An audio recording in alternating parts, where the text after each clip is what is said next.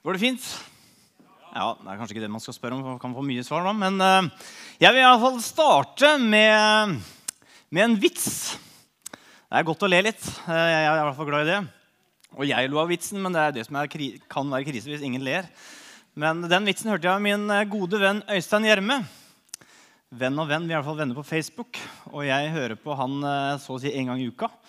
For han er pastor i en menighet i Bergen. Saltbergen heter den. Han var faktisk pastoren til en som har gått i menigheten her, Edvard Bjerk. som dere kjenner til. Det var altså en, eh, det var en eh, misjonskandidat som eh, skulle til et spansktalende land for å praktisere. Men så kunne ikke spansk, så han tenkte at jeg får bare kopiere det de gjør. Jeg får gjøre det de gjør. Så han så seg ut én person. Så tenkte han jeg gjør det han gjør. Sitter han, så sitter han, og reiser han seg, så reiser han seg. Da skal jeg reise meg. Og så uh, var det midt i møtet, så, så, reiste denne personen seg. Og da reiste han også seg. Og da blei det helt stille. Det gikk, oh. Og så skjønte han at her reiste reiser jeg meg litt, kanskje litt feil. også. Kom, møte, møtet var over, og så kommer uh, pastoren bort til ham. Og så sier han, du, du kan ikke spansk, du, eller? Nei. Jeg kan ikke spansk. Men hva var det egentlig som skjedde der inne? Jo, jeg skulle gratulere en familie som akkurat fått baby, og så ba jeg barnefaren om å reise seg. Så Så pass på å reise deg i rett tid. Og følg med. Tro Det var godt dere lo litt. da, Det er viktig. Starte der. Tro dere eller ei, så er vi faktisk på veis ende i, eh, i denne taleserien. I Side ved side. Og det er veldig trist. Neste søndag er det advent. Og Hæ? Hva sa jeg? Ja, det er litt trist, ja. Det er ikke trist, selvfølgelig ikke. Men det er trist at vi er ferdig med den serien her, kanskje. Eh, det er fint. Fint med sånn dialog underveis. Kanskje ikke fortsetter sånn smågruppe. Eh, stor gruppe her. Men uh, uansett så har vi vært gjennom en serie med Nehemia. Og nå er vi ved veis ende før vi gleder oss til advent, som kommer neste uke. Selvfølgelig. Så det blir veldig fint. Eh, men til dere som ikke har eh, fått med dere alt, så ligger talene ute på podkast. Og eh, kanskje du eh, ikke har fått med dere alt, og du kanskje har sovet underveis, så skal jeg, liten, sånn, siden det er siste gangen, da, så skal jeg oppsummere litt og si litt hva som har skjedd til nå. Og så skal vi se på kapittel 6, som vi har kommet til i dag. Eh, Nehemja er han vi har tatt utgangspunkt i. Og han levde 500 år før Kristus. så det er ganske lenge siden. Men Nehemja var jøde og var blitt bortført fra Jerusalem til Persia. Og i Persia så jobba han for kongen. Eh, og så får Nehemja besøk av folket sitt, av noen venner. Og så spør han dem åssen går med folket vårt. Og så får han høre vet du, folket vårt Nehemja, det lider det har ikke gått. Murene som er med på å beskytte folket, det, de er så å si ødelagt. Når Nehemia får høre at folket hans lider, så gjør det noe med Nehemia. Eh, han gråter og blir lei seg. Og Kongen merker det her, og etter hvert så ender det med at eh, Nehemia får lov til å reise til Jerusalem for å se hvordan ståa egentlig er. Og Når han kommer til, Nehemia, nei, når han kommer til Jerusalem, så ser han at vet du hva? folket mitt lider. Og eh, de lider også ikke, men murene rundt for å beskytte det, det er faktisk sånn som de sier, at det er ødelagt. Så Nehemia bestemmer seg for å hjelpe folket. Han blir lederen som eh, får i gang så at de begynner å bygge opp muren igjen. Og så var det ikke bare Nehemia som skulle bygge, og et par til. Nei, alle skulle være med å bygge opp muren igjen. Alle sammen. Kvinner og menn, unge og gamle, alle forskjellige yrkesgrupper sto sammen side om side og skulle være med å bygge opp muren igjen. Og når de begynte å bygge, så var det noen som ikke likte det her. For det var noen som hadde revet ned muren, og de så at oi, nå kommer det opp igjen. Og nå kan folket bli sterkt igjen. Så det var noen som gjorde motstand mot dem. Og da måtte de stå med sverd. De måtte være klare til motangrep. Og så står det videre at Nehemia han var en som visste folket nåde. Han er en som peker fram mot Jesus. Han viste nåde til folket. Han etterga sitt eget folk gjeld, og også de som gjorde motstand. Hvis etterga han gjeld. Så han visste folket kjærlighet og nåde, alle sammen. Og så er vi kommet til da, kapittel 6, og da nærmer prosjektet seg fullført. og muren nærmer seg ferdig. Så skal vi se på hva som står i kapittel 6, vers 1-4. som vi skal se på. Sanballat, Tobia, araberen Geshem og de andre fiendene våre fikk høre at jeg hadde bygd opp muren igjen, og at det ikke fantes brist i den lenger. Men ennå hadde jeg ikke satt inn dører i portene. Da sendte Sambalat og Geshem bud til meg. Kom, la oss møtes i Hakefirim i Onodalen. De hadde tenkt å skade meg. Jeg sendte budbæreren til dem med svaret. Jeg er opptatt med et stort arbeid og kan ikke komme. Arbeidet vil stanse hvis jeg forlot det og dro ned til dere. Fire ganger sendte de samme bud, og hver gang ga jeg dem samme svar. Og Så fortsetter denne dialogen fram og tilbake. Og det kommer også noen andre som prøver å ta fokuset vekk fra Nehemia og det arbeidet han står i. Eh, og Så ser vi videre i vers 14. Så sier han at det hender opp faktisk med at han ber en bønn for dem. Han sier, 'Min Gud, husk, husk Tobia og Sannaballat, for det de har gjort.' Og prof, profetkvinnen Noadia og de andre profetene som ville skremme meg. Her kan vi se at Nehemia-folket er altså snart ferdig med muren. De mangla bare å sette inn portene. Så var arbeidet ferdig. Og Blant annet Sambalat og Tobia de likte ikke det. De var ute etter Nehemia. De var ute etter å skade Nehemia for å skremme han sånn at arbeidet kunne bli stoppa opp. Sånn at folket fremdeles kunne være svakt. Men Nehemia han sto fast og holdt fokus på det arbeidet han holdt på med. Han kunne lett ha latt seg skremme men Nehemia holdt fokus på det som var det viktige. Nemlig det å fullføre muren og det arbeidet han sto i. Nehemias sitt prosjekt var å fullføre muren, sånn at folket kunne være sterkt og de kunne være beskytta. Folket var så viktig for Nehemia at han kunne ikke gi slipp på det arbeidet han sto i. Og så er spørsmålet til meg og deg, Hva er det som er viktig for deg? Og Da kan en pekepinn være vi på, kan se på kalenderen vår Vi kan se på den siste uka eller siste måneden. Hva er det vi har brukt tida på? Det sier noe som er viktig for deg. En annen ting er jo din eh, bankutskrift. Hva du har brukt pengene dine på. Det sier også noe som er viktig for deg. Men noe som er enda mer interessant, det er å se på hva som er viktig for Gud. Og jeg tror jeg har lest gjennom Bibelen, eller hvis man ser til Bibelen, så er det én ting Gud ikke kan ta fokuset vekk ifra. Så er det mennesker mennesker er viktige for Gud. Gud han skapte verden. Han skapte ikke blomster og bier i sitt bilde. Han skapte mennesket i sitt bilde. I første Mosebok, helt i starten av Bibelen, står det i 1.28.: Gud velsignet dem og sa til dem.: Vær fruktbare og bli mange. Fyll jorden og legg den under dere. Dere skal råde over fiskene i havet og fuglene under himmelen og alle dyr som kryr av på jorden. Som det kryr av på jorden. Gud satte oss mennesker i en særstilling fordi han ga oss mennesker et forvalteransvar. Vi skulle råde over fiskene i havet. Og når jeg leste det her, så ble jeg litt sånn filosof, eller jeg begynte å tenke litt. da. Det er jo ikke bare fisker i havet. Jeg har hørt om flygefisker. Tenkte jeg, Hvis du er fisker, så pass deg for de, for de skal du ikke råde over. tenkte jeg. Eh, men uansett så ble de satt i eh, Edens hage, Adam og Eva. Eh, og der var de et nært fellesskap med Gud. Det var det det var. Snakk om at vi skulle være i et nært fellesskap med Gud. Og så vet vi dessverre hva som skjedde. Adam og Eva spiste av den ene frukten ikke skulle spise. Og det førte til at synden kom inn i verden. Og Gud tåler ikke synd, så derfor ble vi atskilt fra Gud.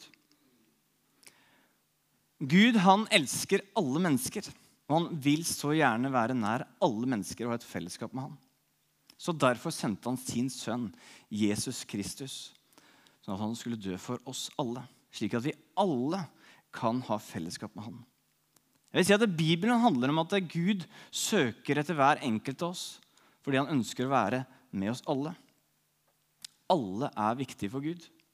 Og Det er bare til å se til hvordan Jesus levde livet sitt så levde han et liv som viste at han har rom for alle.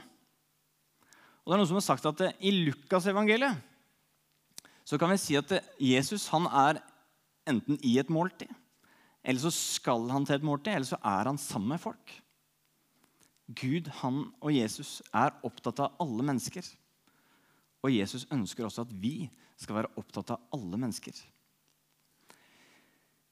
Det er spennende å lese Bibelen. Og for meg som når jeg noen ganger leser Bibelen, så er, kan det være som et avsnitt eller et bibelvers. Å, det var godt. Og så kan det være, kan jeg komme i en annen situasjon, og så leser jeg samme vers igjen. Og så er det sånn Oi! Det var en annen vinkling. Det var noe nytt som sa noe til meg akkurat inn i den. Og det siste året, eller siste halve året kanskje, så er det to ord fra noen vers som virkelig bare Er det mulig? skal jeg dele med dere. Det er eh, Matteusevangeliet 22, 37-39. Det handler om at det er en som kommer bort til Jesus. Og så spør han hva er det som er det viktigste i livet. Eller hva er det hvis du skal summere opp? Så sier Jesus du skal elske Herren i Gud av hele ditt hjerte og av hele din sjel og all din forstand. Dette er det største og første bud. Men et annet som er like stort. Du skal elske de neste som deg selv. Jesus var denne mannen at det viktigste du kan gjøre i livet, det er å elske Gud.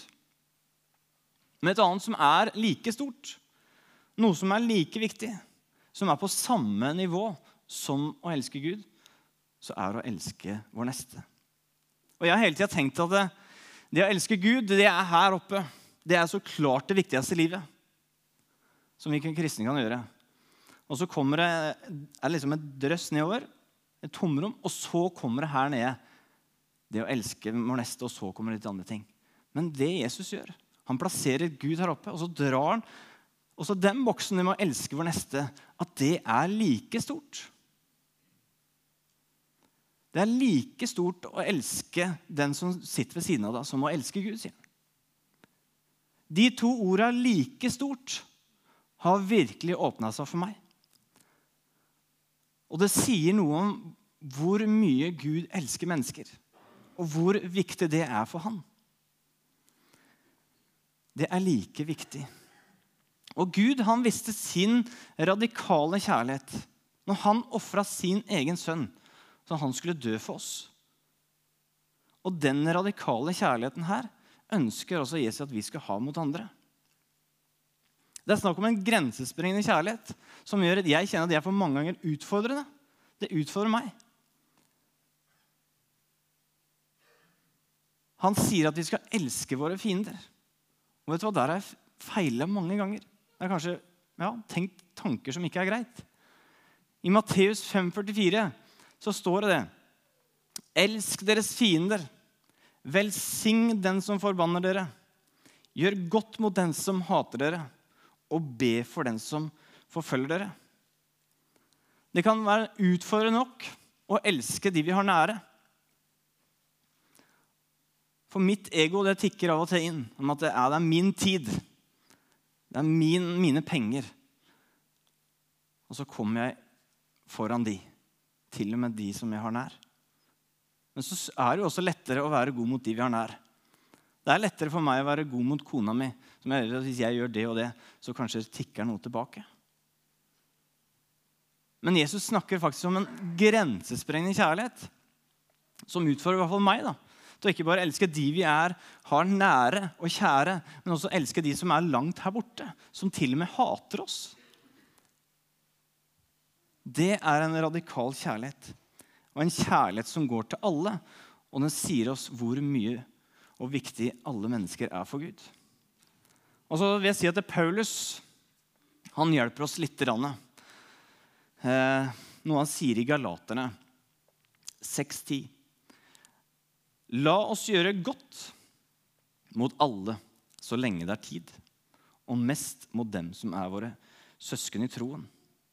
Paulus sier 'la oss gjøre godt mot alle', og så kommer han med en liten presisering og oppfordring.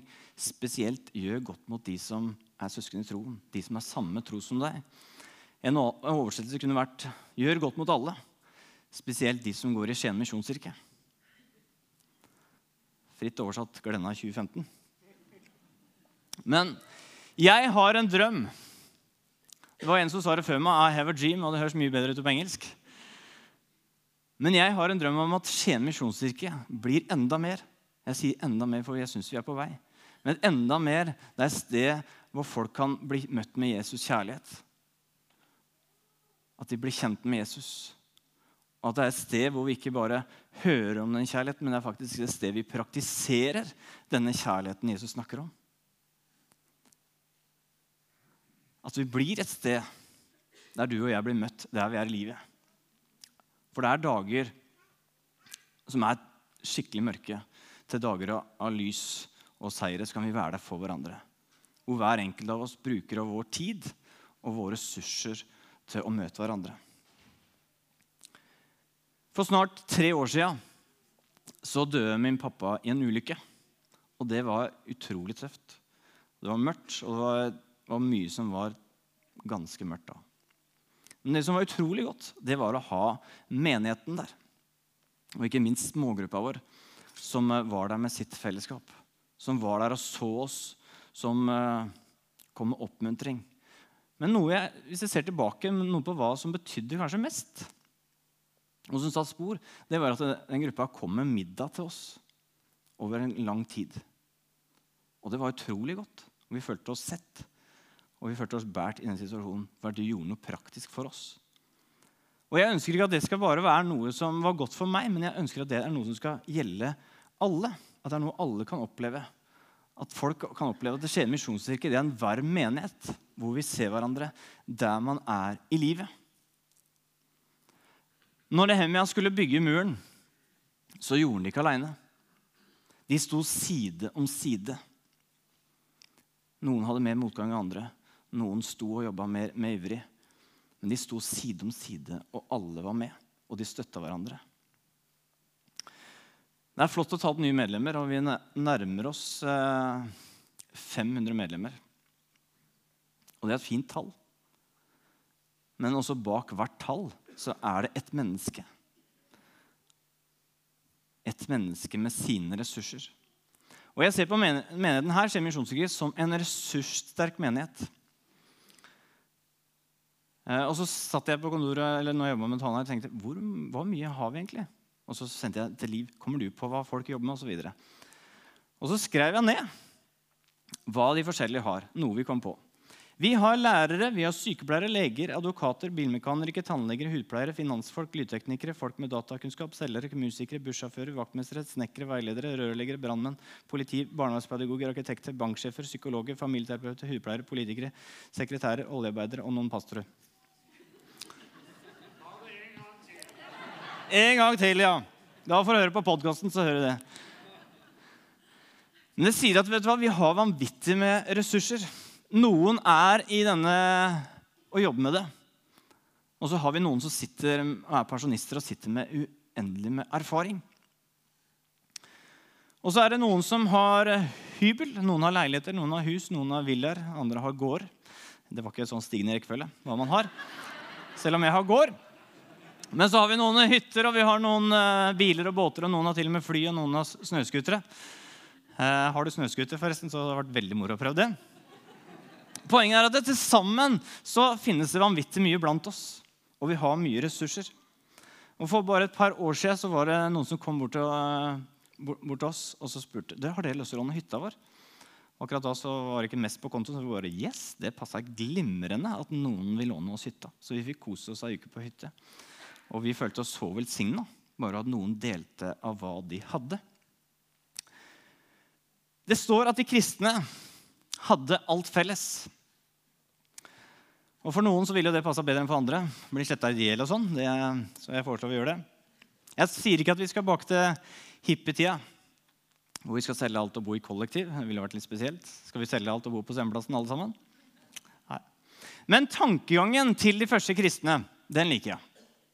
Da skal vi se på Apostelens gjerninger 244 og 45.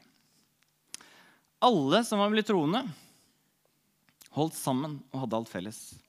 De solgte sine eiendommer og annet gods og delte ut til alle som enhver trengte det. De delte ut til enhver som trengte det. Jeg tror det handler om, som Linda var inne på på slutten av sin tale forrige søndag, at vi våger å være litt mer sjenerøse. Og jeg syns det var flott i fjor. Da kom det en familie til byen her, og så hadde de så skulle flytte inn i leilighet. Og så hadde de så å si ingenting. Og så var det noen som la ut det på Facebook, og så bare tikka det inn. Jeg har det, jeg har det, jeg har det. Og så gikk det ikke lange tida, så, så hadde de en leilighet full av ting hvor folk hadde bidratt med. Og vet du hva? Jeg tenker mer av det. La oss være til velsignelse for hverandre. En annen ting utenom våre, vår profesjon og våre materielle ting, så har også hver enkelt av oss en historie som har vært med å forme ditt liv. Jeg skulle gjerne vært foruten at jeg mista pappaen min brått i en ulykke og mista broren min altfor tidlig etter at han hadde slitt i livet sitt. Men disse erfaringene som jeg hadde, de var med å forme meg. Jeg skulle gjerne vært foruten. Men i møte med andre mennesker som er i samme situasjon, så kan jeg dessverre si litt hva Og jeg kan skjønne litt hva de går igjennom. Du har også din, ditt liv og dine erfaringer som har vært med å forme deg. Og Det er ikke akkurat, akkurat bestandig den bagasjen vi kan skryte av det, men det er en bagasje vi har, en erfaring vi har i møte med andre. Om det er seire eller motgang, så er det noe vi kan ta med oss og dele med andre.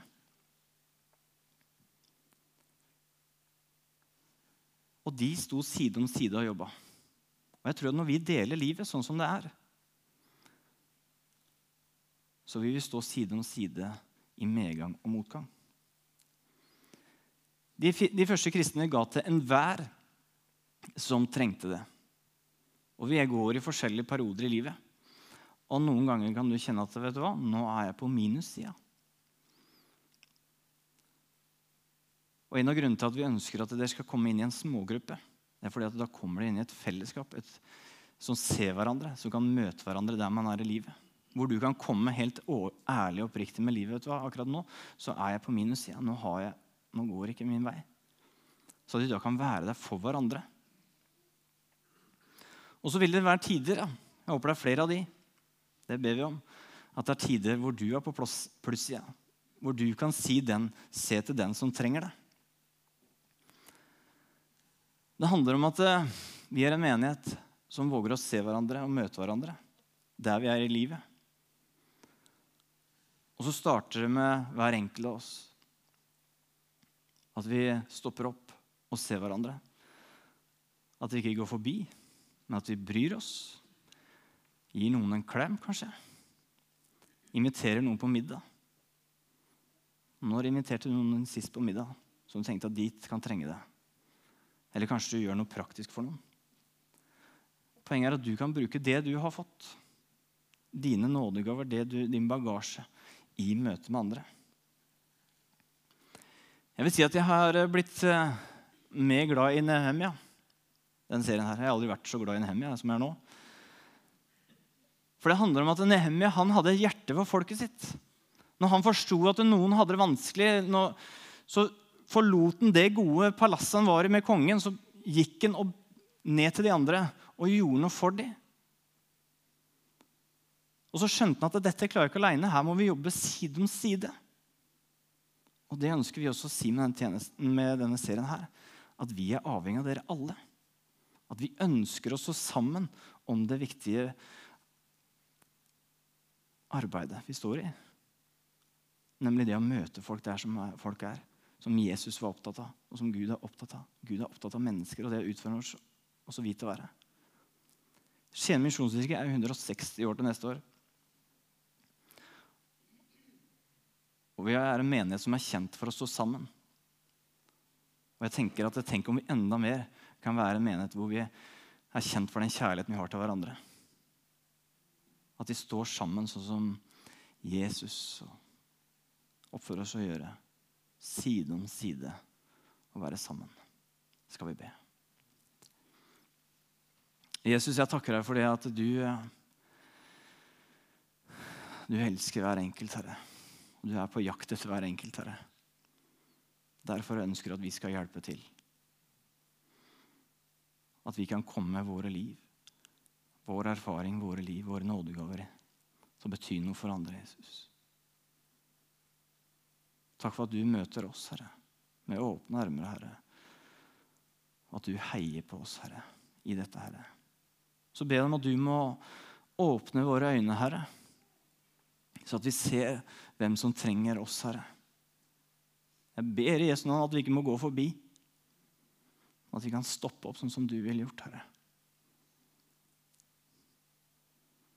Hjelp oss, Herre. Gi oss ditt hjerte på folk, Herre.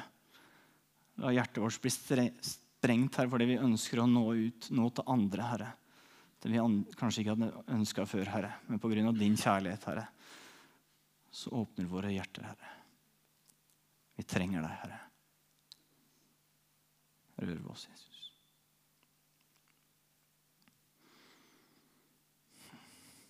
Mens vi er stille nå, kan ikke du bare i, i ditt indre si til Jesus det du tenker på. Si det til han, Herre. Si det til han. Så be han gi deg tanker om hvem du skal bruke tid med, Herre.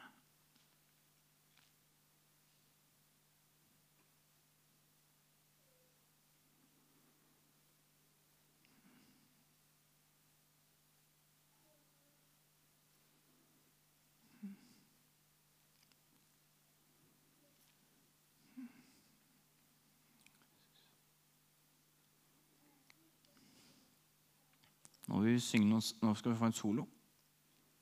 Eller vi skal i hvert fall få Vi synger en sang sammen først. Og mens vi synger, eh, så vil det bli mulighet til å tenne et lys. Og du tenner et lys for noen du tenker at den personen trenger